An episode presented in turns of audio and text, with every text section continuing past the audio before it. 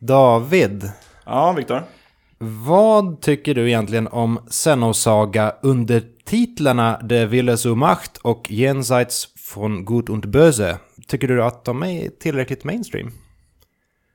Ja, de är nog lite för nischade.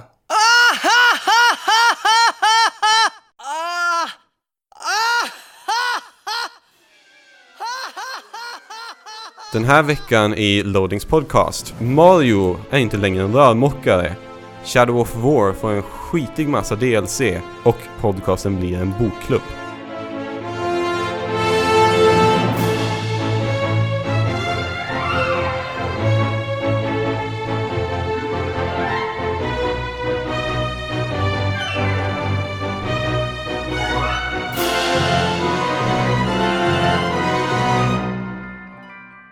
Hej och välkomna till Loadings podcast avsnitt 178 med mig David Grundström och Viktor Sjöström. Hej. Den här veckan har vi även med oss en gäst i form av Kristoffer Lundberg. Tjena! Tjena! Hur är det med dig? Jo, men det är bara bra. Kul att vara här. Det här är ju en eh, återkommande gäst, får man säga. Eller, eh, kan- okej, inte, inte regelbundet återkommande gäst, men du har varit med i podcasten tidigare. Nej, och då var vi bara på två siffror tror jag. Precis, du var med i avsnitt nummer 52. Yes. Det här var alltså innan jag Ja. var med i podden. Och det var med andra ord typ tre och ett halvt år sedan. Något sånt ja. Eh, och du snackade om det första Titanfall. Alltså det var Back så the days. jäkla länge sedan alltså. Ja, det var Eh, På tiden när Xbox hade exklusiviteter. ja, jävlar ja. ja eh, Vem, Om- vem är du? precis. Om vi säger så. Du är en gammal IGN-skribent. Ja, exakt så kan man väl säga. Ehm, ja, nej, men, jag skrev för eh, IGN under åren eh, 2013 till 2015 tror jag där. Um, ehm, några av de större grejerna var väl till exempel Titanfall och um, ja men många av Microsoft-spelen. Jag var en av de få på den tiden som faktiskt ägde en Xbox One ganska tidigt.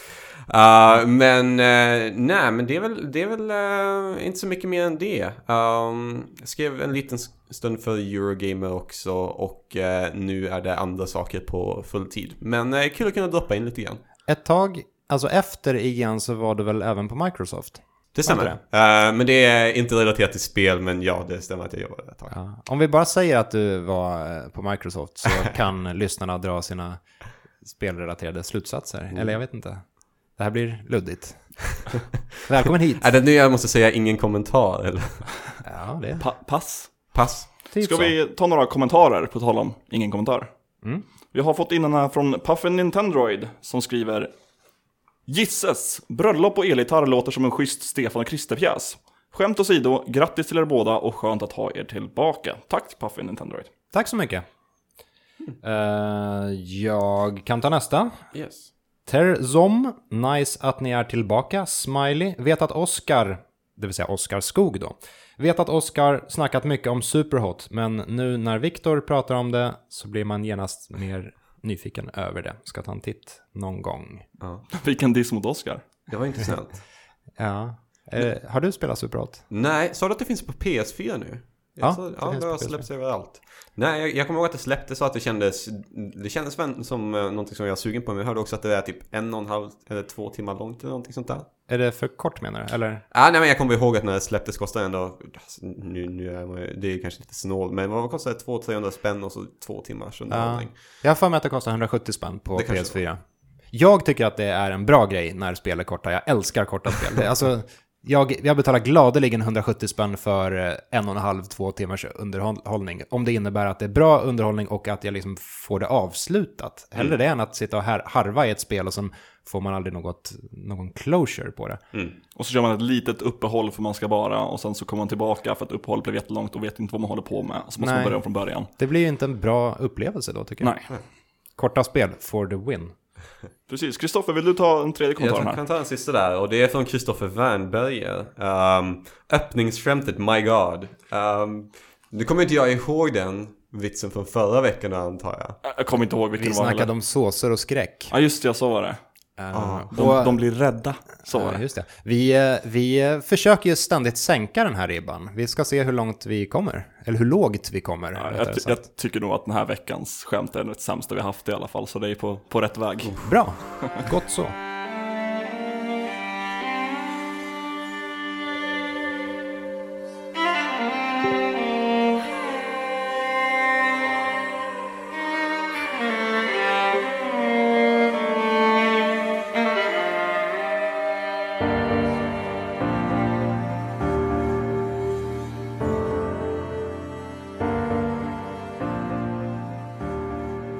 Super Mario är inte längre rörmokare. Det här är officiella uppgifter från Nintendos japanska eh, karaktärssida. Där står det att eh, Mario gillar allt som är coolt, bland annat sport och så här, köra, köra kart och tennis och golf, fotboll. Han har till och med varit en rörmokare en gång i tiden. Därmed slår de spiken i kistan på, på, på den här, ja men när jag, när jag skriver saker om Mario, då skriver jag ja, men Mario vid ett tillfälle och den italienska rörmokaren jobbar jag ofta in där bara för att få variation på texten. Och nu, nu är det dött. Tack för den Nintendo. Fast är den det? Alltså det känns ju som. Kan, kan man verkligen ta bort den titeln efter all den här tiden? Fast hur mycket rörmokande har han egentligen gjort? Han åker ju ner i många dagar. Ja, men det, det, det är ju inte så, så bra yrkesutövande kan man tänka. Åka ner i rören.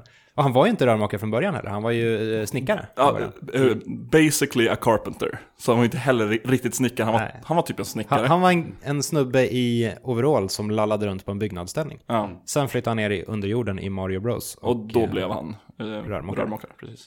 Ja, eh, synd på en så fin karriär. Eh, ska jag hugga en nyhet också då kanske? Ja, det kan jag. Ja. Ehm, Street Fighter 2 kommer i en jubileumsutgåva. Uh, Street Fighter-serien fyller 30 år och i samband med det så släpper Capcom och I am 8-bit en uh, nyutgåva av eh, Street Fighter 2 eh, till Super Nintendo på Super Nintendo-kassett. Och det här är ju... Det är skumt.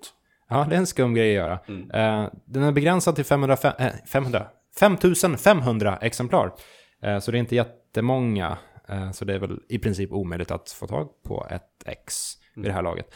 Eh, och den här utgåvan kommer även med en varning om att man inte faktiskt får använda kassetterna i en Super Nintendo för att eh, det finns risk för att konsolen överhettas och börjar brinna.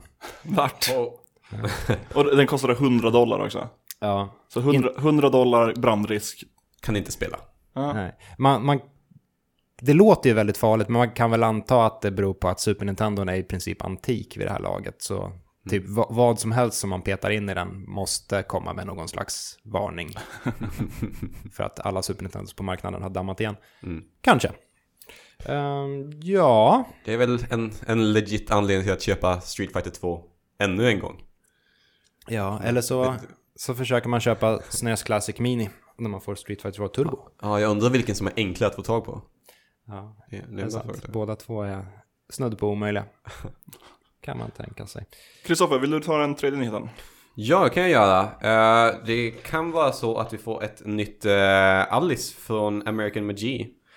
Eh, och där, där i en ny blogg har Magi berättat att han ska börja arbeta på ett förslag till ett nytt Alice. Och försöker då övertyga EA om att det är en bra idé. Har projektnamnet Alice Asylum. Och det kommer det här pitchen som man försöker dra där kommer innehålla artwork, design, dokument och en, liksom en budget för spelet typ. Har du spelat Alice-spelen? Nej, jag har inte det. det. För mig är det så alltid att den estetiken inte har fallit mig särskilt mycket i munnen. Men jag har hört, alltså som rent spelmekaniskt var det väldigt bra spel. Ja, för, första är väl typ basically en Quake-mod. Ja, Jaha. alltså första spelet, uh, American McGee's Alice, det kom väl år 2000 om jag inte minns Runt helt någonstans, galet. Där någonstans. Så det, det är ju ganska föråldrat vid det här laget. Och Men det fan, kom ju till 360 och PC Ja, också ja, va? precis. Madness Returns eller någonting sånt. ja, precis, Madness Returns. Ska, om man ska spela ett Alice-spel idag, då är det väl kanske snarare det man ska hoppa på, för det är inte lika uråldrigt. Ja, det är heller inte jättebra. Alltså det är helt okej. Mm, så Ah, ja. Stark 6 av 10.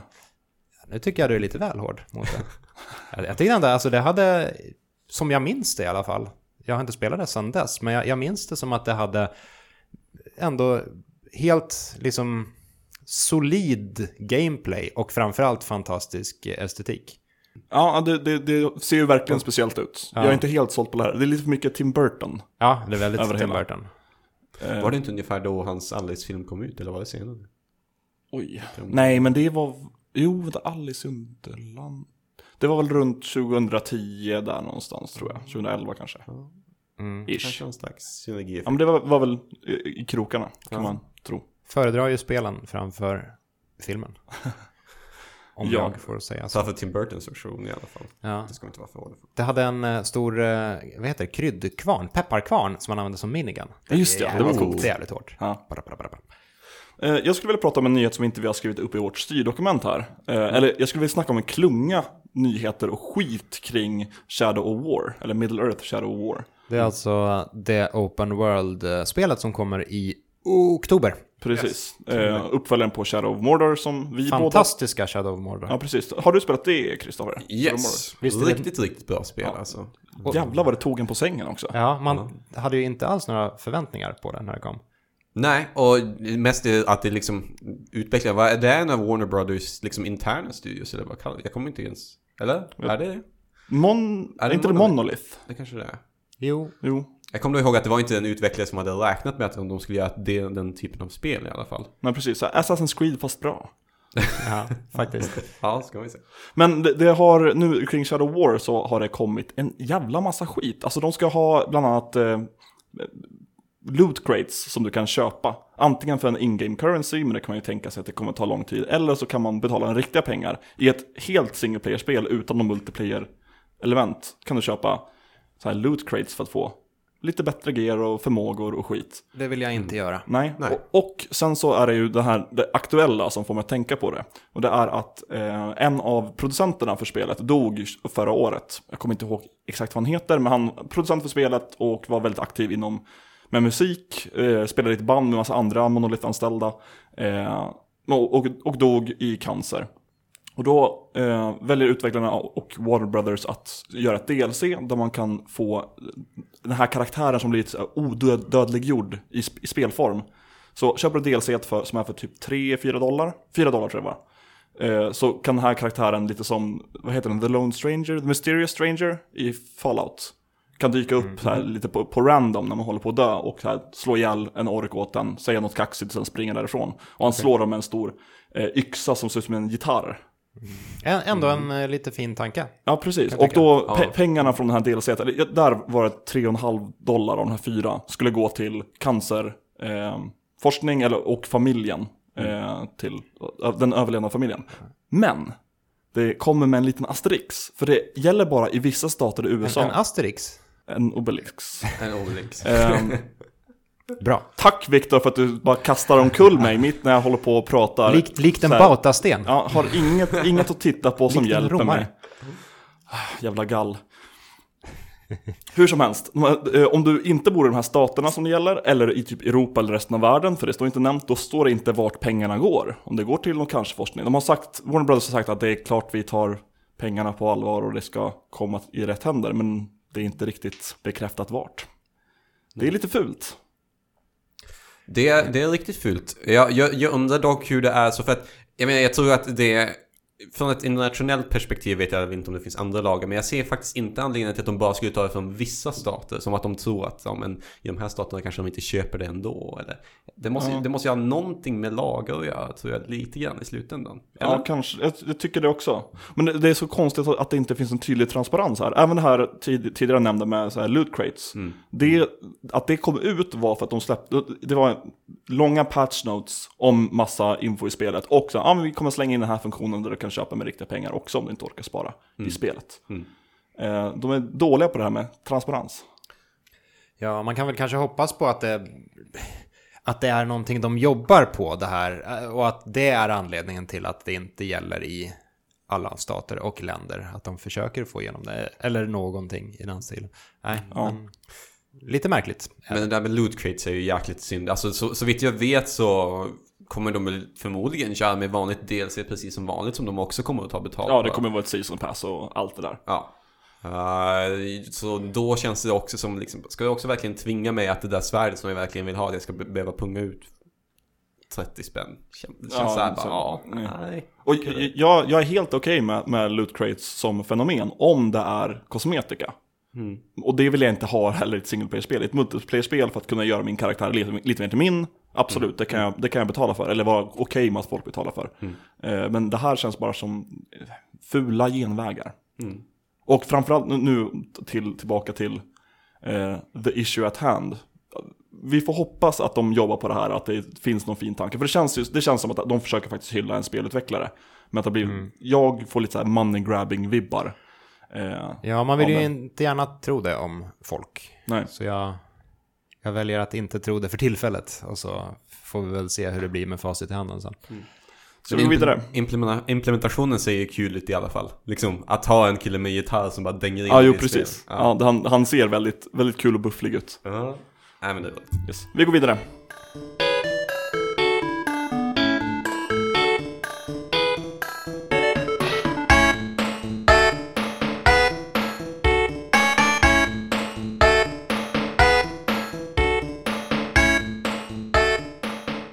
Veckans dumma fråga är ärligt talat inte särskilt dum. Det här är mer ämnematerial tycker jag. En hybrid. Ja, men den lyder i alla fall som följande.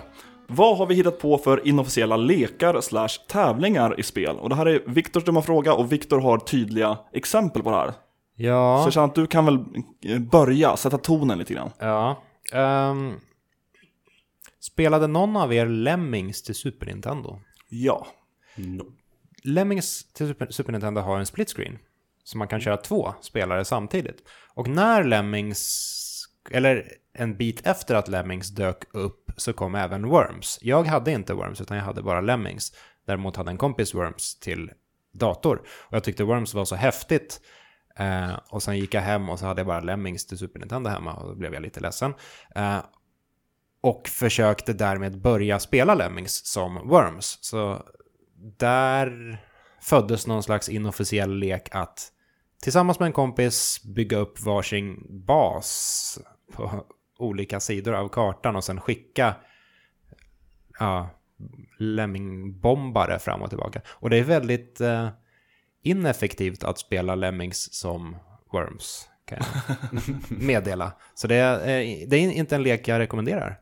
Men det går. Det går om man eh, verkligen vill. Sen hade jag någon annan lek på tal om Super Nintendo-spel också. Eh, när jag av någon anledning försökte få in topplistorna i, i eh, F-Zero. Ehm, där försökte jag få in alla plats... Eller jag, jag försökte para ihop banor med svävare. Till exempel, och, och färgkoordinerade. Så till exempel på Big Blue så försökte jag att få alla topptider med Blue Falcon. Och på Firefield försökte jag få in Fire Stingray. På Sand Ocean så var det, vad heter den? Golden, Golden Fox heter den va? Säkert. Och så. Det var inte heller så mycket till lek. Men det var en lek som jag sysselsatte mig med när jag var ung, yngre. I alla fall. Ung och dum. Ung och dum. Behövde pengarna. Ja. För, för, behövde pengar, ja, men för, för, som, för de som inte har spelat F-Zero, för det finns de här ute ty, tyvärr. Uh, är det en då. större utmaning med de här olika färgerna? Har de liksom traits som inte gör att det... Nej, det är det väl inte. Alltså, nej. Det, det var mestadels en kosmetisk grej. Är det inte lite stadsförändringar? Jo, alltså svävarna är ju olika, men det är inte så att det blir fullständigt omöjligt att köra Mm. eh, Firefield med Fire Stingray. Läste ni Twitter-tråden med massa spelutvecklare som avslöjar så här knep eller trick som de har slängt in i spel för att det ska kännas bättre? Typ att i Doom, Ja.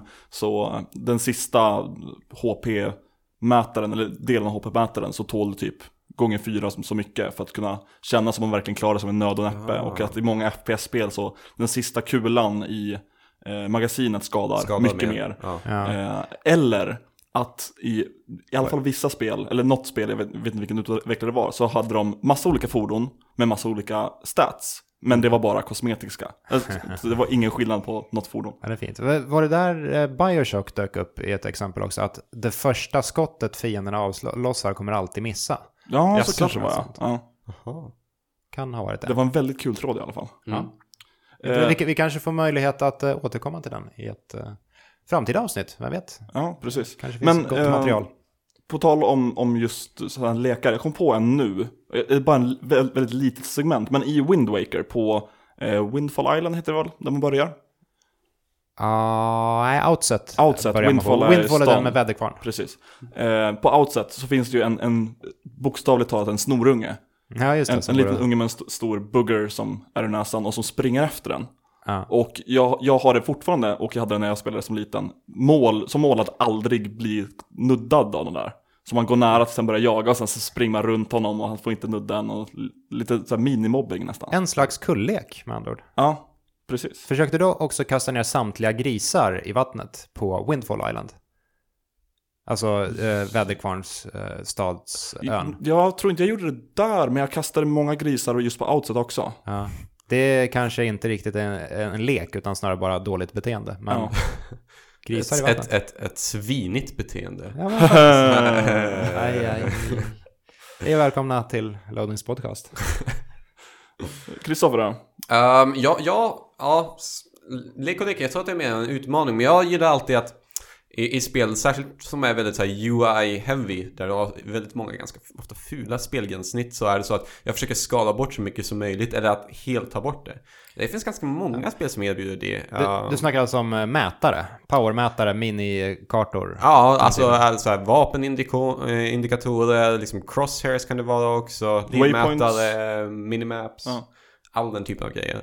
Uh, jag testade med, med ett par spel, Horizon senast faktiskt. Uh, Men även Assassin's Creed-serien och uh, The Last of Us. Mm. När det kommer till sådana linjära spel som The Last of Us, ja, går det faktiskt ganska bra liksom ändå. Och då är det ganska kul. Och då ser du ju också ofta hur bra de är designade. Men när det kommer till ett spel som Assassin's Creed som faktiskt har alla fyra face-knappar så att de, du vet vad du ska göra när du trycker på X. Det är ganska svårt. Det är lite synd där egentligen att speldesignen har gått, de- den har gått så långt att man numera måste ha en minimap och en waypoint och Mm. eh, liksom allt det där för att förstå vad man ska göra. Oh, på tal om minimaps, vi kör ett litet sidospår. Ja. Eh, Secret of Mana kommer ju en 3D-remake Usch! till... Den ser så otroligt ful ut. Det, det, den är lite, det ser ut som ett mobilspel, eller så 3DS-spel nästan. Det är inte samma... Det är det jag säger. Ja, men. Eh, det har ju kommit, eller läckt eller whatever, en liten så här speldemo av det. Från precis i början när, eh, vad heter han? Randy R- Ran- Randy, precis. heter killen. Ja, när han trillar ner och kan plocka upp det här svärdet och slåss med de första stackars kaninerna. Eller Ja, rabbi. och han är så odrägligt amerikansk. Vad han säger? A, a sword? Ah, here? Ja, jag vet inte om man säger så i den japanska versionen. Nej, det Sordru! Des. kan vara. etc. Men i alla fall, ehm, det finns en minimap i den här versionen. Och minimappen är SNES eh, sprites. Så man, man ser vart de springer runt i originella SNES-kartan på minimappen. Det är lite coolt. Det är bra, men överlag, alltså, jag får ju samma äckliga vibbar av det här som de här Final Fantasy remakesen av, ja men typ fyran som kom till DS. Det, det ser inte bra ut, det ser... Mm. Jag, jag tror det här kan vara en bra inkörsport för många. För jag, men jag snackade lite grann på, med en kollega om, om det här. Och han, han, har- han har problem med eh, pixliga eller 2D-spel överlag. Eh, men, blev, men älskar JRPG och var nyfiken på Secret of Mana men tror inte han orkar ta sig an det. Men då är han mer nyfiken på det här just för att det Ja, men han kan inte spela om det inte är 3D-grafik. Jag förstår Det- inte den det- inställningen, men den finns. All respekt åt din kollega, men det här, det här gör ont i hjärtat. Precis. Man blir ju lite mörk men men i du, sinnet. du gillar alltså att stänga av så mycket UI som möjligt, eller testa i alla fall. Ja, för att det känns så, alltså, det finns ju vissa spel som är ganska lätta på det ändå, men särskilt när du spelar någonting som Assassin's Creed eller dylikt. Alltså, och för den delen Horizon. Jag vet inte, har ni har båda spelat Horizon eller? Ja, Att den UIn är spel. ganska tung. Verkligen. Den är, det är verkligen så här in your face och det är verkligen så här det, det är ett väldigt, väldigt vackert spel också. Och då känner man det att det, jag känner mig fortfarande nästan stressad när man går ute där i naturen bland robotarna för att du har så många, himla många pilar som pekar överallt. Ja. Um, Det finns en YouTube-kanal jag tycker om väldigt mycket som heter Game Makers Toolkit. Eh, som handlar om speldesign och hur man kan, så här, intressanta saker ur spel och så här, hur det sticker ut från annat och hur man kan designa spel. Eh, och då snackar han bland annat om Witcher 3 och Fallout 4 tror jag det är. Där han testar att stänga av eh, waypoints och se hur mycket spelet hjälper en och ger faktiska direktioner till. Men så här tydliga quest, gå hit och gör det här. Du kommer gå vägen längs norr, du kommer se två stenbumlingar, där ska du gå in i skogen och sen är det framme. Och det funkar ganska bra i Witcher. Men i Fallout så är det mycket att bara leta och snubbla över. Där är det verkligen waypointen som, som behövs. Och att det är så intressant gameplay-mekanik. Gå till den här macken som det är underförstått att du vet var den ligger. Ja, precis. Ja, nej, det är inte bra. Eh, Br- Breath of the Wild, se- senaste Zelda, gör ju en väldigt bra sak i att man har enorma eh, avstånd att titta över. Man Ja. ser saker och ting från hur långt avstånd som helst. Och det, det är väldigt tydligt med vad som är vad. Mm. Det var väl en, en av, eh, ett av målen med den designen, att skapa ikoniska platser, typ Ja. Death Mountain, eller det här tvådelade berget, eller slottet, eller så, så kan man orientera sig utifrån det. Mm. Det, är, det är bra, bra speldesign. Ja. ja, på tal om lekar, jag har bara något lekar i spel. Jag har något... eh, jag har en stark känsla av att jag i något spel har lekt Inte nudda mark, men jag kommer inte ihåg vilket spel. Jag har gjort, vi snackade lite grann, för, för, vi spånade lite innan vi körde det här segmentet för att komma på faktiska idéer. Och då snackade vi lite grann om att, eh, typ så här, inte nudda kanter, eller sprickor liksom. Bara, Ja. vad det nu heter, glipor i golv som man kanske gör på riktigt också. Eh, jag, jag har gjort mycket det i WoW när jag spelade. Att jag hoppar vid varje, varje textur som indikerar att det är en, en glipa. Men en. Ja, precis. Men en, en annan grej jag gjorde i World of Warcraft, speciellt i Vanilla eh, och The Burning Crusade för den delen, innan, innan Flying Mounts i eh, Kalimdor, va, vanliga världen, eh, så, så gjorde jag, men försöka ta mig till ställen man inte ska kunna ta sig till mycket. Och så här, eh, när det är två stycken en, sluttningar som lutar lite grann och det finns en, en söm, så kan, är det ofta lättare att landa där och hitta ställen att stå på, medan det egentligen ska vara för brant för dig att ta dig upp. Och där, så här är det även i, men typ i Skyrim eller liknande, när man ska ta sig från punkt A till punkt B, att istället för att följa vägen så går man fågelvägen och försöker ta sig över ett berg men egentligen inte ska kunna ta sig över. Men i Skyrim använder du bara en häst istället. Bergsgethästen. Ja, exakt. Ja. ja, men det, det är lustigt. Det, av någon anledning så är det ju väldigt fascinerande att försöka ta sig dit man inte egentligen ska vara i spel. På samma sätt som spel som inte har släppts officiellt blir otroligt mycket mer intressanta än spel som har släppts. Alltså alla sådana här spel som, som försvann mystiskt någon gång är ju skithäftiga. Ja, men typ eh, Star Fox 2 nu. Eh, det var ju jättehäftigt att kunna spela det eh, innan, innan SNES Mini. Och sen nu när det kommer officiellt, då känns det plötsligt inte lika exotiskt längre. Men återigen så är den ganska exotisk i sig själv så det kommer fortfarande limiterad. Jag förstår din poäng. Jag, jag trodde du- när du började den där meningen att du skulle gå in på, ja, men när man typ provspelar eh, en, en beta eller är på en, förspelsevent, att man så här försöker bryta spelet då. För att jag kommer att tänka på när vi båda var på Deus Ex Mankind Divided, för titeln. Ja, just det. Eh, ja, men jag, jag körde igenom liksom, storyn typ en eller två gånger för att testa lite olika vägar. Och sen så var jag klar och så ser jag att du fortfarande sitter och bara typ, ja, men, I, I första rummet. ja, kastar runt ett lik och försöker typ bryta ragdollen. Jag älskar att Lyckas försöka, jag älskar att jävlas med spel. Det, det är nästan roligare än att spela dem på, på allvar. Vilket man ibland tyvärr måste göra. Spela på allvar alltså. Eh, jag vet inte om det räknas som en lek, men jag jävlades väldigt mycket med vakterna i Metal Gear Solid 2-demot. På tanken där. Oh. Alltså så här, springa runt, skjuta en i benet, sen springa och gömma sig, skjuta sönder radion, sen springa och gömma sig, knocka dem och eh, gömma sig i ett skåp och bara se hur deras AI Ja. försökte hantera. Men Så där gjorde jag också i Metal Gear Solid 5, typ. Körde trunkgunnen på, om det fanns två, två, tre soldater, så sköt två stycken, så en går och väcker, skjuter honom medan han väcker, så det vaknar upp en ny, bara huh, what's this? Och väcker nästa, skjuter honom, så de bara ligger och sover i skift.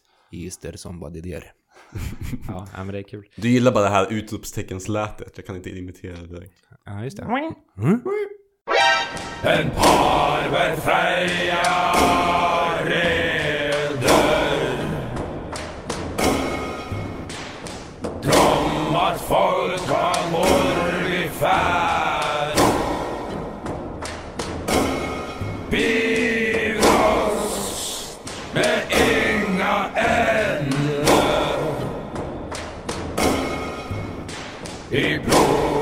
blåhundsens vargandar Vi har spelat en massa, vi har tittat lite, det är dags att börja beta av. Vill vi kanske kasta in Viktor först här? Ja, ehm, det kan vi göra. Jag har spelat ett spel, men sen har jag även läst lite skit. Alltså det är böcker här också. Oj, oj, Ja. oj. Vad är det här för podcast? Jag vet inte riktigt. Vad, vad ska vi ta först? Vi, vi, jo, men vi, vi, vi tar, vi, vi kör en eh, bok. Eh, dagens boktips. Bokhörnan. Äntligen. En eh, snabb bokkavalkad. Eh, jag har läst Minecraft colon The Island. Är det någon annan som har läst den? Nej. Nej. Det är, ju, det är den första officiella Minecraft-romanen. Och det är kanske inte... Oj. Ja, det... Skö- Skönlitterärt Minecraft. Ja, Ja. exakt. Eh, det, det låter ju inte så jättelockande, men eh, jag såg att eh, killen som har skrivit den är Max Brooks. Det vill säga Mel Brooks son, det vill säga ehm, författaren av World War Z, som är typ eh, den kanske bästa zombieboken någonsin. det är lite coolt. Ja, och sen... Ganska låg högsta ribba där dock. Ja, men den är väldigt, väldigt bra i alla fall. Eh, I Minecraft The Island så har han skrivit i princip typ Robinson Crusoe, fast i Minecraft-världen. Och det, jag skulle inte kalla det här för en bra bok egentligen, men den är, den är ganska... En bok. Ja, den är, den är, det är en bok och den är väldigt, väldigt flummig. Det är någon som vaknar upp i Minecraft-världen, inte vet hur han har kommit dit eller ehm, vem han var innan. Kan han reglerna? Han upptäcker reglerna Okej. eh, och- runt Minecraft och eh, blir väldigt chockad över reglerna. Så här, Vänta ett tag, jag, blir, eh, jag kan simma jättefort, eller jag blir inte trött av att eh, simma på det här sättet. Och så här, jag helar skada jättefort om jag äter, vad fan är det här för skit? Eh, och så, så handlar det om att han bor, han, han simmar i land på en ö och så bor han där och bygger och försöker komma underfund med Minecraft-världen. Mycket konstigt och lite charmigt, men inte så jättebra. Men, men jag förstår liksom, vad, vad är det egentligen då som gör det till liksom Minecraft? Vad, vad tillför det något? Mer än att oh, du säger creepers och grejer. Alltså, ma- ma- han... Max Brooks har verkligen tagit med alla Minecraft-regler, som är att, att eh, så här, fiender spanar på natten, att, eh, att man läker skada när man käkar, att man kan ehm, crafta saker bara genom att eh, kombinera dem. Bara Lägga dem på rätt sätt. Ja, att man liksom kan röra sina händer på vissa sätt men inte på andra sätt. Att man inte kan plocka upp alla saker, att man kan hacka bort block jättelätt. För den delen att världen är uppbyggd av block. Ja. Så den, den, den, till ganska stor del handlar den om att så här, vänta ett tag, det här är jättekonstigt. Och det är jättekonstigt för att det fungerar precis som i Minecraft. Ja, Så konstig och flummig bok. lite Eh, flummigt. Ja, sen har jag även, eh, om vi bara kör igenom, jag, jag har även läst Total Recall, vilket är eh, Arnold Schwarzeneggers eh, biografi. Jaha. Oh. Eh, Jag tror du skulle säga att det är Arnold Schwarzenegger-filmen som bok, typ. Var lite Ja. förvirrad att det fast fanns det är ju en bok. tvärtom, alltså filmen är ju en bok från början. Den är baserad... Skumt. Men den kan är man- inte baserad på Arnold. Den Nej. första nej. Nej, precis. Eh, men den här biografin i alla, i alla fall, jag, jag gillar biografier, men jag är ganska allergisk mot självbiografier när eh, författaren blir för självgod. Ja. Jag, jag gillar när de ändå är någorlunda down to earth och liksom kan driva med sig själva lite eller vara lite ödmjuka. Och det, Det är väl Arnold ganska bra på. det är han bra på. Eh, Och det uppskattar jag verkligen. Att eh, det, Eh, han skriver mycket om att han, han arbetar hårt, men även att han så här, gjorde många misstag och så här, oj, det här var jättekonstigt eller det här fungerade inte så där. Ehm, så överlag tycker jag att det är, en ganska intressant bok. Speciellt, eh, alltså han har ju väldigt många konstigheter för sig. Han, eh, han gör ju lumpen eh, som, och åker runt i en pansarvagn. Men han vill samtidigt kunna gymma, så han har ett litet mobilt gym med sig i pansarvagnen som han packar upp och så här pumpar lite med innan, ja, i varje paus. Sen är den, den har en lite konstig twist framåt slutet, så det, det är en ganska så här, positiv bok eh, till stor del. Sen, I slutet kommer den här konstiga twisten om att, åh förresten, sen hade jag även en, en son med eh, vår, eh, hu, vad heter det, hushållerska, som jag höll hemligt för min fru i, eh, vad det nu var, 15 år. Ja, just det. Ja, jag tänkte, Som, som kommer som en väldigt, väldigt mörk twist. Och sen så här, ja, och sen eh, kraschade eh, vårt äktenskap. Och så här, så nu bor vi isär. Slut. Hej då! Ja, och, och sen direkt efter det så följer så här Arnolds tips för så här hur man lyckas. Och sen, sen, är, eh, sen är boken slut. Oj. Lite Är ett konstigt. av tipsen, få inte barn med din hushållerska. Gör, gör helst inte så. Var Nej. helst trogen så blir det bättre. Eh, så det var en konstig avslutning, men överlag så gillar jag ändå den här boken. Bättre än Lemmys bok. Lemmy var väldigt självgod, får man säga. Slutligen har jag även läst eh, The Disaster Artist. Jävlar vad du läser. Ja, men det, alltså vi, vi har ju... Bokmal, alltså. Nej, snarare tvärtom. Jag läser ganska lite. Men eh, det, vi har ju haft sommaruppehåll, så då har jag passat på att läsa. Jag har Ah. inte gjort något annat. Det, det här är lite så här leftovers från förra avsnittet. Exakt, exakt. Eh, The Disaster Artist är... eh, den, den handlar om skapandet av filmen The Room. Och det här är definitivt inga nyheter. Filmen The Room, den är väl från 2003. Något sånt där. Ja. Och den är fantastisk. Ja. Har du sett den Kristoffer? Nej, det har jag inte. Vet du vilken film det är? Nej. Det är eh, Tommy Wiseau som man inte Oh. riktigt vet någonting om så här historiskt. Men han, han vill göra en film där han är så här the romantic lead. Och det är jättedåligt spelat, ingenting, eh, det går inte att fatta vad någonting egentligen, hur saker hänger ihop. Och Det- sen har det klassiska scener som I did not hit her, I did not. It's bullshit. Oh hi Mark. Ja, Det här alltså- låter som en fantastisk rekommendation. Alltså. Ja, men det, det, det är verkligen, alltså att se filmen är, det är fantastiskt. Den är så, den är så dålig så det är, är det, det nästan blivit finkultur. Det går på bio typ en, två gånger om året i Stockholm och då går man dit och så här, det finns typ inramade bilder på skedar och varje gång en sån, eh, ett sånt porträtt visas så sitter man i publiken och kastar plastskedar på skärmen. Och så finns det en massa andra regler hur man ska bete sig och det är verkligen så här underbart roligt. Ja, det, det här är alltså, som sagt, det är absolut inget nytt. Och jag, jag själv upptäckte filmen ganska sent. Ja, Eh, samma här.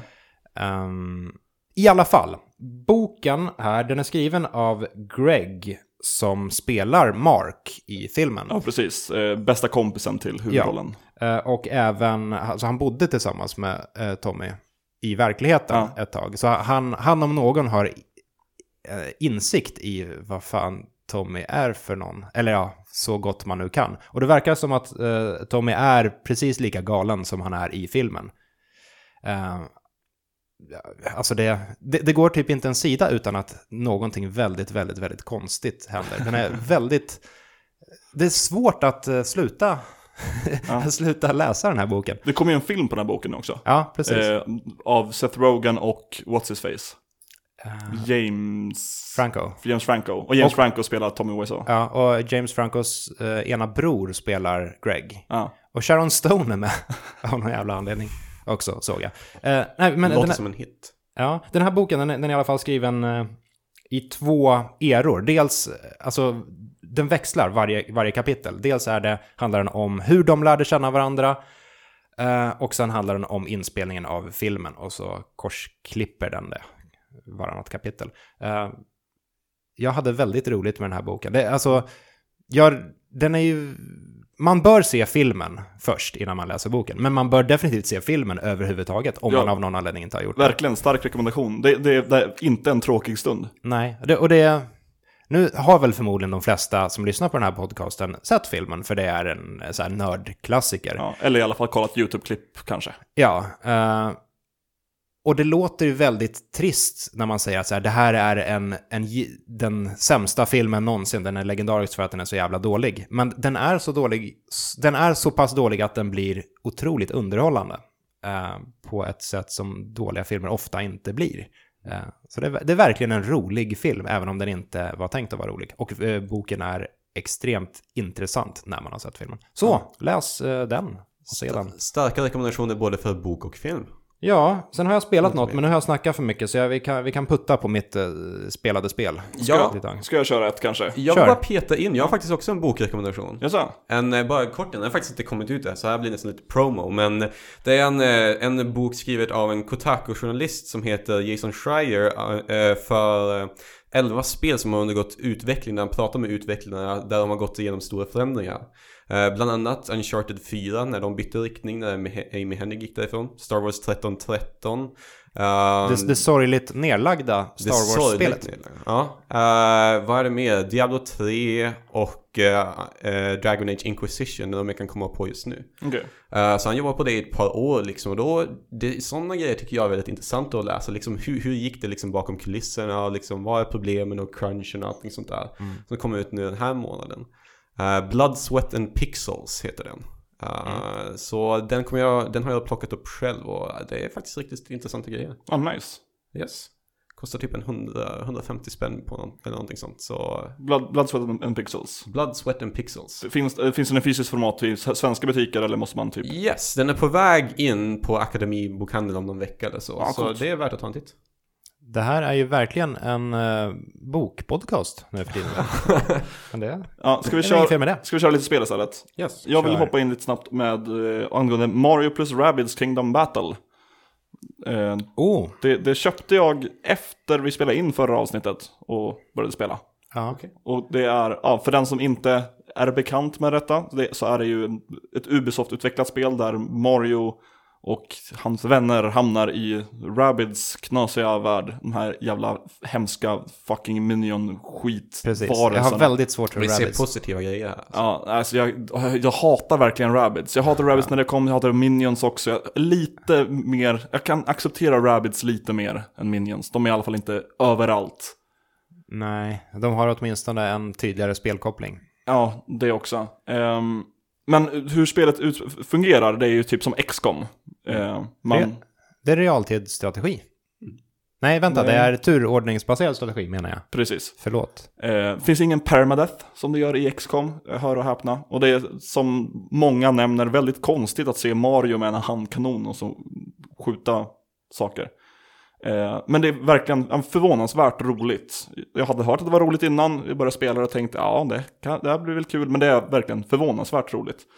Det är uppbyggt på, hela storyn är typ att någon som älskar Mario håller på med någon sci-fi manik och sen så går hon ut ur rummet och så råkar den gå igång och då kommer det in massa rabbids i hennes rum och så kommer de åt det här typ VR-headsetet som gör allting.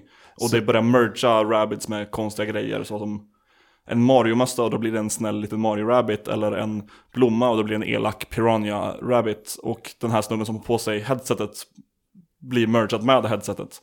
Så det är med andra ord lite sm- ursprungliga Smash Bros eh, där. Att, att eh, man ser, vad ska man säga, speluniversumet utifrån. För Smash Bros Mm. går ut på att det är leksaker som blir upplockade av Master Hand. ja, handen där Precis. från början. Ja, li, li, lite så. Och då, då hamnar man i det här... Nej, det är i Mario-världen fast med en massa rabbits som är där och härjar. Och de... Ska man stoppa det på något sätt och så fungerar det. Man spelar som en liten Roomba typ. Alltså här, det ser ut som en... ehm, En Roomba. Ja. en Roomba, en dammsugare, dammsugarrobot. En puck. Som man springer runt med och så har man då ett följe av sina karaktärer efteråt. Man kan ha upp till tre stycken karaktärer aktiva. Och det är lite skumt att så här, Mario springer typ längst fram, men framför med Roomban och det är Roomban man styr. Så det känns inte, ja det har svårt att fokusera på den här lilla Roomban. Ja, man har, Så sett, känns- man har sett Mario springa i så otroligt många spel. Ja, så det känns inte som att man riktigt har kontroll. Och så mellan stridssegment så är det lite, men spring och hämta mynt, mynten använder du för att uppgradera till nya bättre vapen. Eh, och typ lite små minipussel och sen så är det, fokuset är ju då själva striderna som är turordningsbaserade, man skjuter massa olika rabbids. Det finns bossar som är typ eh, Rabbid Kong som då är en jättestor rabbid med en Donkey Kong-slips och som käkar bananer. Eh, Och ett förvånansvärt svårt spel. Det är, eh, det är lätt att dö, det finns möjlighet att slå igång en easy mode eh, så man har lite mer hälsa och fienden lite mindre. Jag har inte testat den här än- ännu, men jag vet att folk dör även med easy mode igång. Som är spelare jag respekterar, så det, det, har, det har en enorm respekt för det här spelet också. Ja. Det är en sån absurd kombo alltså. Det är, för att ja, Ubisoft har ju alltid varit en stor stöttare av Nintendo på- oavsett deras plattformar, även, även under verkligen. Wii U-eran. Så på det sättet är det väl kanske naturligt att de samarbetar på något sätt. Men den här typen av spel för XCOM är ju Ja. på, på ett sätt ett väldigt nischat spel. Um, så att, att har det där speldjupet och svårighetsgraden är någonting som faktiskt överraskar mig fortfarande. Det, det är samtidigt att alltså, det, är, ehm, det har inte lika mycket djup som XCOM. Det är väldigt lätt att greppa, men det är fortfarande svårt att bemästra den här klassiska. Eh, så det, det känns lite som en fin inkörsport till XCOM om man inte har spelat det. XCOM är fortfarande bättre, vill jag påstå, men det här är ver- verkligen bra. Mm, mm, mm. Hur, men så, okej, så du säger att man liksom, för att stor del av XCOM är ju liksom att ändra det här uppbyggandet av basen och då har du ju dina olika typ research and development avdelningar. Mm. Och så det här liksom, det är ett enklare myntsystem eller någonting sånt där som ersätter allt det där. Ja, precis. Du, du plockar upp så här, ja, vanliga Mario-mynt som du använder för att betala för. Så finns det ett rd center där du Okej. progressivt, du hittar massa kort i kistor som ger dig tillgång till nya vapen och vissa story progressions ger dig tillgång till eh, andra vapen. Så det är alltid är starkare. Och det är väl också ett, en negativ grej. Går du tillbaka och kör tidigare uppdrag men med bättre gear för att du måste ha mer mynt för att få bättre gear så är det väldigt lätt. Så det blir ett konstigt tidsfördriv eh, som inte är särskilt kul. Eh, det är väl en av de stora nackdelarna skulle jag säga. Det är också styrningen. Eh, men det, ja, det finns lite utveckling. Det finns någon A- Amiibo-stöd också, men jag har inga Amiibos. Så jag har inte testat det. Du tweetade ut någonting om att eh, musiken rörde sig, eller att eh, bakgrunden rörde sig i Ja, just det. Jag såg den där, tweet, jag såg den där tweeten dagen efteråt och kom inte ihåg att jag gjorde den. eh, Okej, Det- det, är det- det- varningsklockor här. Jag, jag, jag kom hem efter krogen och skulle bara spela lite grann och så var jag väldigt fascinerad av det. För att, men, musiken, det finns typ tre trumpetblommor ser det ut som i vissa ställen. Och de guppar till i takt med musiken. Så det ser ut som att det är det som spelar. Det tyckte jag var en väldigt cool liten grej. Guppande trumpetblommor ändå. Ja. Ja. Du gillar? Jag gillar, jag rekommenderar om man har en Switch. Har du en Switch, Kristoffer? Nej, jag har inte det. Alltså det är så här, det, det, det är egentligen, det är väl en tidsfråga, men jag känner att tills vi väntar ut uh, Odyssey och ett par till titlar, vill, känner, jag känna att det måste, det måste finnas tillräckligt mycket där för att locka mig. Right. Uh, men Funkar inte med Breath of the Wild, Splatoon 2? Ah, Splatoon vet jag inte alltså. Det är, men ni, ni båda var ganska positiva på det. Ja. Så, ja, det kanske Ja, Det är jo men det, det är kul.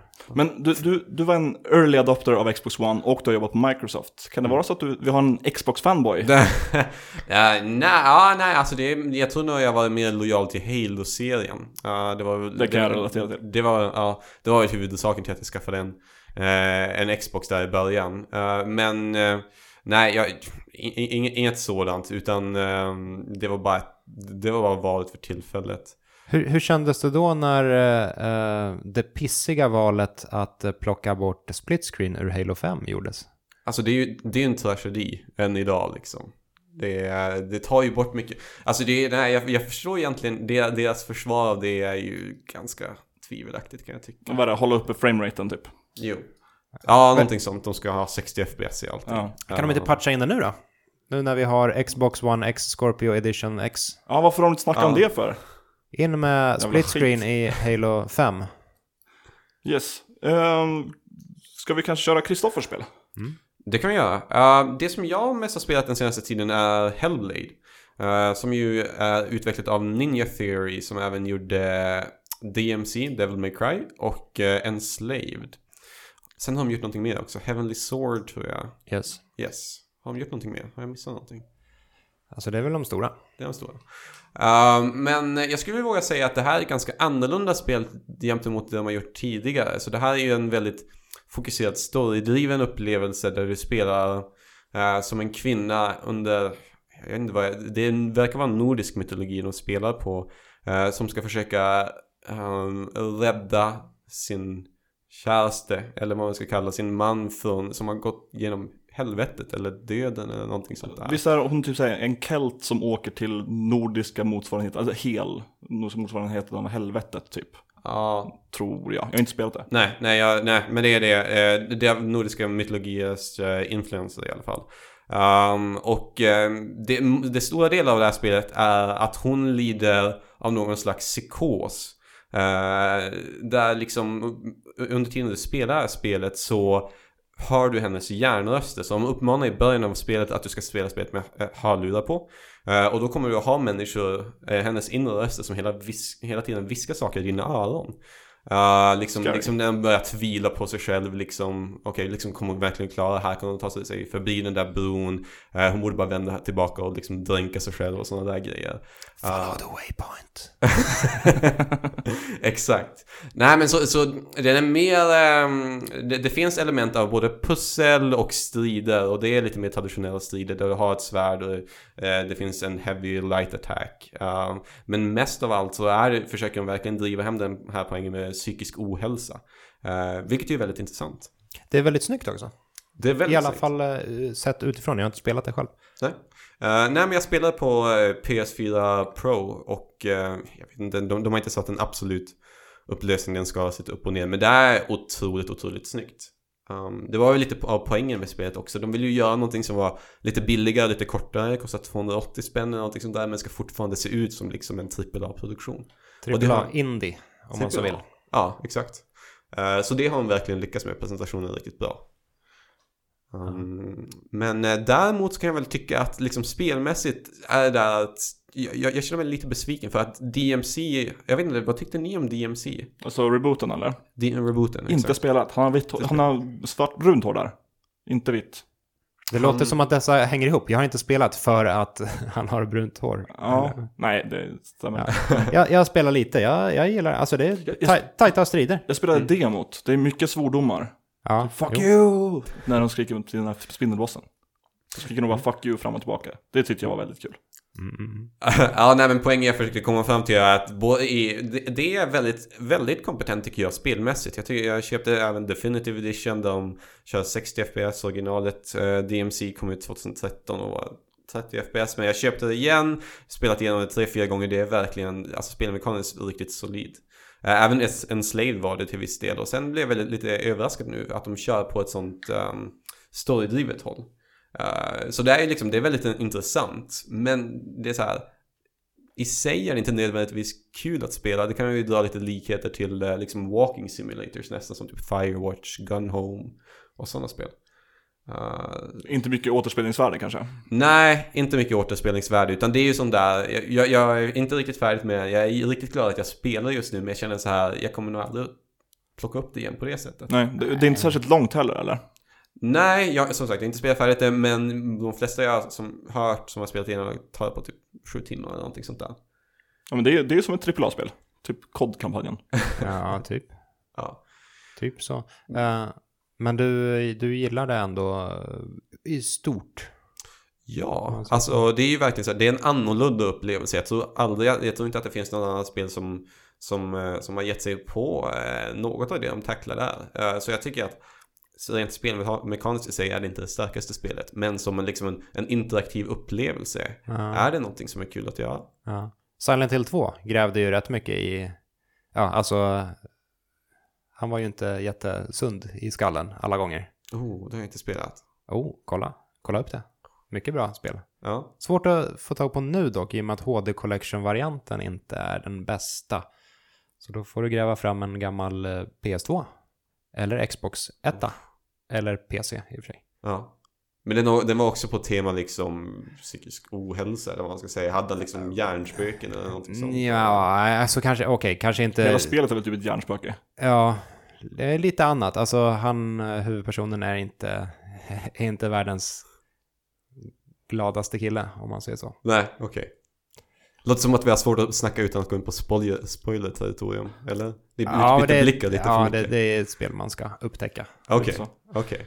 Viktor, vill du snacka Uncharted? Ja, jag kan ta lite sna snabba Uncharted-intryck också. Jag har spelat Uncharted colon The Lost Legacy. DLC till fyran. Ja, typ. En fristående DLC till Uncharted 4. Ja, man behöver inte äga Uncharted 4 alltså. Nej. Nej. Coolt. Det finns i fysiskt exemplar till och med. Ja, det här är en... Det är väl lite som, eh, som Halo eh, 3 ODST, kan man säga. Mm. Ett fristående äventyr som är på fristående skiva och allt. Ehm, jag gillade ändå... Un- Okej, vi backar ännu mer. Jag har svårt med Uncharted. eh, serien överlag, för jag tycker att den spelar sig själv för mycket och jag, eh, jag känner inte att det blir så spännande när jag bara behöver minimala kontrollinputs för att göra spektakulära saker. Mm. Om eh, Nathan Drake hoppar över ett stup och liksom klarar sig i, häng, hängande i lillfingret så, så vet jag att spelet är regisserat på det sättet. Så jag, jag känner aldrig någon fara. Det blev väl mycket Där. bättre i fyran tycker jag. Ja, Alltså lite inte, så. inte just de här tydliga allt går sönder momenten. Men typ i strider när man hoppar runt en, en jävla massa. Ja, det hade ju en hel del smygarelement och lite friare Ja. strider. Det gör det Mycket släng, slänga sig med grapplinghooken runt och, och, och omkring under Ja. strider. Fyran i alla fall eh, hade jag trots allt väldigt kul med. Eh, dels för att det hade lite öppna delar, lite smygardelar som ändå kändes eh, rimliga, trots att det inte är ett stealth-spel i grunden. Eh, och sen framförallt så var det otroligt snyggt. Eh, Naughty Dog är ju, är ju Snygga. de är väldigt, ett väldigt snyggt spelföretag.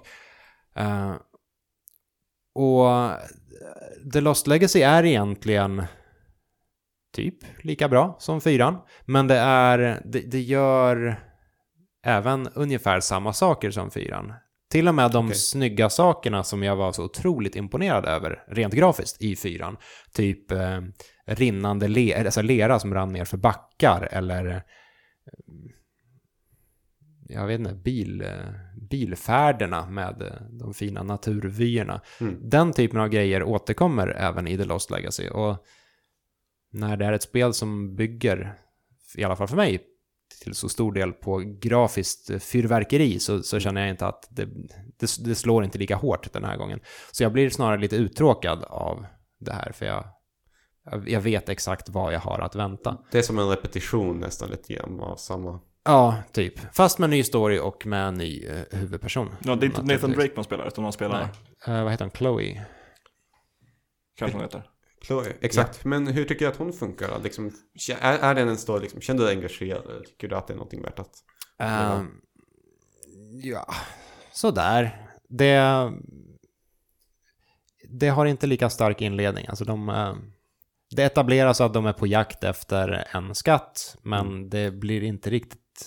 Det blir inte så mycket djupare än så. De är på jakt efter en skatt, den skurk som eh, också vill ha skatten. Mm. Ehm, De, Om man jäm- upp, de uppskattar inte varandra. Om man jämför det med Uncharted 4 där, där man hade hela den här lilla vinkeln av att Nathan Drake hade typ pensionerat sig från eh, äventyrslivet och kom tillbaka och sen gjorde det bakom ryggen på, eh, vad heter hon, Elena? Elena. Mm. Eh, det blev lite mer nervigt där på något sätt. Här är det mest så här, ja men de ska ha en skatt, skurken ska också ha skatten, nu springer de ut i naturen och klättrar på saker och skjuter saker. Eh, absolut inget dåligt spel, men jag, eh, jag tycker inte att det är lika träffande och lika, lika intressant Nej. som fyran. Nej. Men jag undrar om det liksom har någonting, för att det måste ju vara så, nu, nu säger de att de började utveckla det efter fyran var färdig. Jag vet inte hur mycket man tror av det, men det har tydligen en kortare utvecklingscykel och de ville väl återanvända det som de redan har gjort, eller vad man ska säga.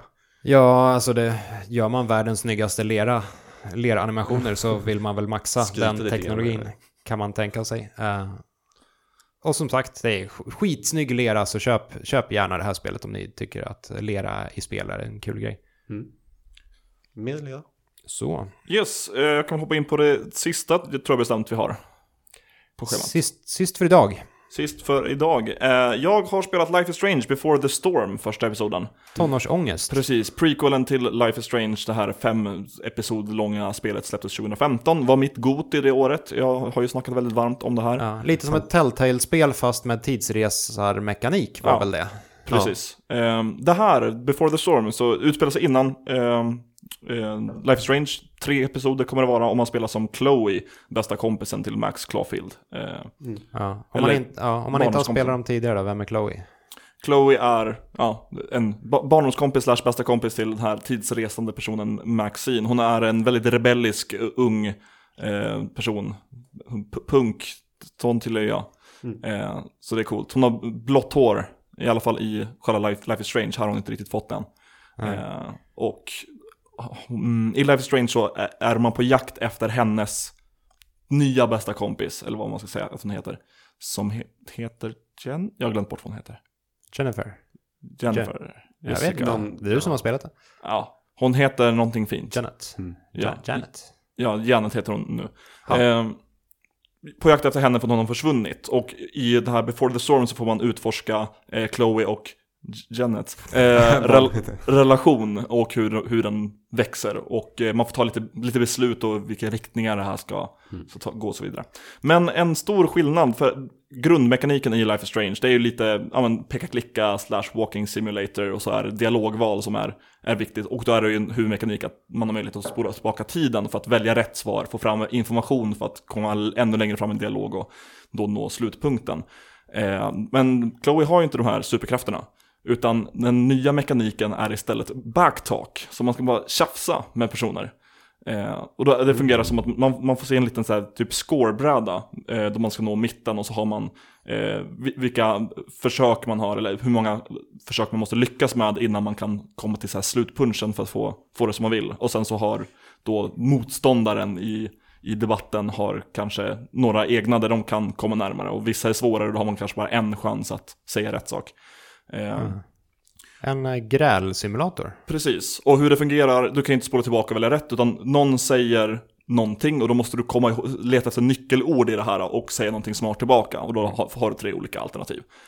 Eh, det, det är eh, under tidspress när man ska välja det här, så att det, man måste uppfatta vad personerna säger, man måste läsa igenom alla svaren och hitta rätt vinkel.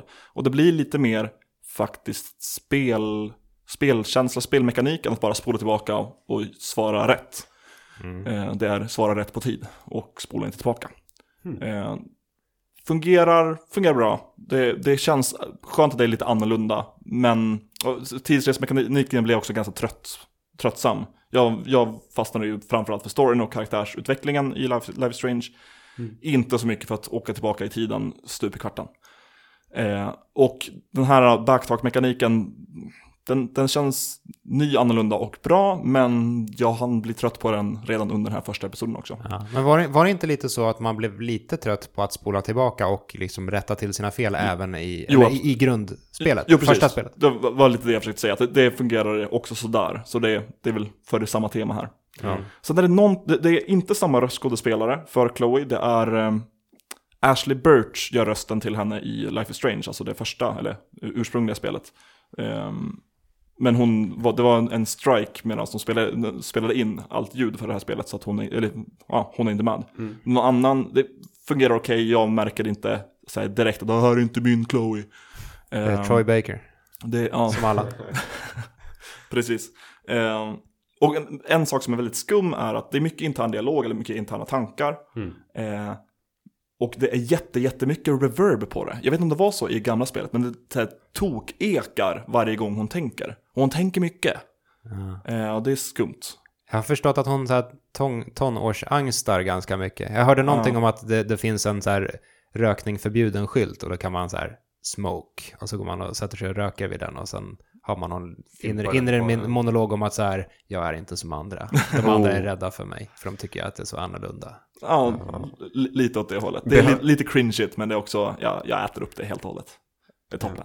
Cringe med Ja, nej, men det, det var ju nästan en viktig del av första spelet känner jag, liksom att de använder termer som wowzer. Jag vet inte om jag någonsin har hört någon säga det innan, men Ja. eh, de behåller den tonen antar jag. Ja, det gör de. Och eh, den här nya bästa kompisen till Chloe, hon säger något typ, om det är wowzer eller något så här typiskt töntigt som tonåringar absolut inte säger. Hon säger det och då säger Chloe, ah, wowzer, who even says that? Så, så här Ah, retconar in ah, lite, att ja, hon började använda det för att hennes bästa kompis körde det. Så det är lite, ja, självsatir. det är Ja, kul. Men det är kul. Det är kul. Men det är, det är också en ny utvecklare, vad jag har förstått. Det är inte Ja, de det är inte som samma. gör Det är, nej, precis, det är inte samma. Det Nej. är, det, det är separat. Eh, Det, det känns, det är, inte, det är inte samma kvalitet heller. Eh, Jag är nyfiken att komma och fortsätta spela, men Mm. just första episoden var inte jättemycket som hände i. Eh, Det var, satte väl lite grunden för deras relation. Jag vet inte hur mycket de orkar, änd- eller vågar ändra i, i det här materialet i och med att det inte riktigt är deras IP. Mm. Eh, Så, ja, vi får se, vi får se vad det blir. Mm. Jag, är, jag spelar det glatt och det tar inte så jättelång tid så att hur, why not? hur lång tid uppskattar du att det tar? Typ två timmar kanske? tre timmar tror jag. Tre timmar? Det Okej. tog för mig ungefär. Ja. Det kan ha varit, varit, eh, varit mindre, men Mm. ja, något sånt. Och det är väl för fans också, för att jag, vad jag vet så håller ju Don't Nod också på med en riktig uppföljare. Mm, Life is Strange 2 håller de på Life med. is Strange 2. Uh, så det är väl här med liksom för att hålla, om man verkligen är sugen på mer, att liksom hålla, hålla upp ens mood. Det är lite Bioshock 2 över det. Lite så. Jag har en fråga, en sista fråga här om spelet. Om man inte körde det första, de första fem episoderna. Bra fråga. Och så hoppar man direkt in i det här. Vad är Life is Strange? Jag köper det här. Puff! Hur funkar det då? Kommer jag förstå någonting eller kommer Du, jag du bara... kommer förstå någonting, det är mycket som är förklarat, men du bör nog spela, alltså många, många spel och uppföljare och prequels står, står för sig själva för att man vill att alla ska kunna köpa det. Men här är väldigt mycket som, alltså du förlorar så mycket, många poänger om du inte har spelat Life is Strange. Hon snackar mycket om, om Max, eh, huvudpersonen i ettan. Eh, Och hur hon har svikit henne för att hon har flyttat till Seattle. Det här är då innan hon flyttar tillbaka till den lilla staden Arcadia Bay. Eh, snackar mycket om Max och hur hon har svikit henne och skriver i sin dagbok om uh, Look at me now Max, fuck you. Eh, så att det, det fungerar och det, det står nog absolut på egna ben, men eh, eh, man får ut så pass mycket mer, tror jag, om man har spelat det första. Mm. Dessutom är det ju liksom verkligen en, en pärla också. Jag, jag håller med dig. Vet, det, det var verkligen bland toppen. Den. Och, och bara en sån överraskning. Mm. Den utvecklaren hade ju inte direkt kommit med någonting värt att se innan. Jo, jag, jag tyckte om Remember Me. Det var, om jag- jag- det var då- dålig, dålig, dålig stridsmekanik, men jag gillade det här, här minnes-scrambling-momenten, även om det bara var typ fem stycken av dem. Ja. Och jag gillade handlingen överlag. Jo, men eh, helomvändningen från, från actionspel eller vad man ska säga Ja, till, det här, det var äh, en, en riktig pärla. Mm. Och därmed har vi nått vägs ände. Nu hör ni aldrig ifrån oss igen. Mm. Jag ska hem och spela Destiny 2, så vi kan köra Destiny-podd eh, nästa vecka. Med gäst, Med gäst. om allt går vägen. Precis, så det får ni se fram emot. Vill ni lämna en kommentar på det här avsnittet så kan ni göra det på forumtråden som finns på loading.se. Ni kan också skriva till oss på Twitter, där heter jag at aidsbrain. Eh, Jag heter Viktor. Eh, Och Kristoffer, har du Twitter? Använder Yes, at CT Lundberg. det? At CT Lundberg. Yes. Toppen. Tack så jättemycket för att du ville vara med. Ja, skitkul att vara här. Tack så mycket. Får vi se om det dröjer tre och ett halvt år innan du gästar igen. Eller om det blir lite tätare, kanske. Oh, vi får hoppas på det. Återstår att se. Tack för att ni har lyssnat. Hej då. Hej. Tack, hej.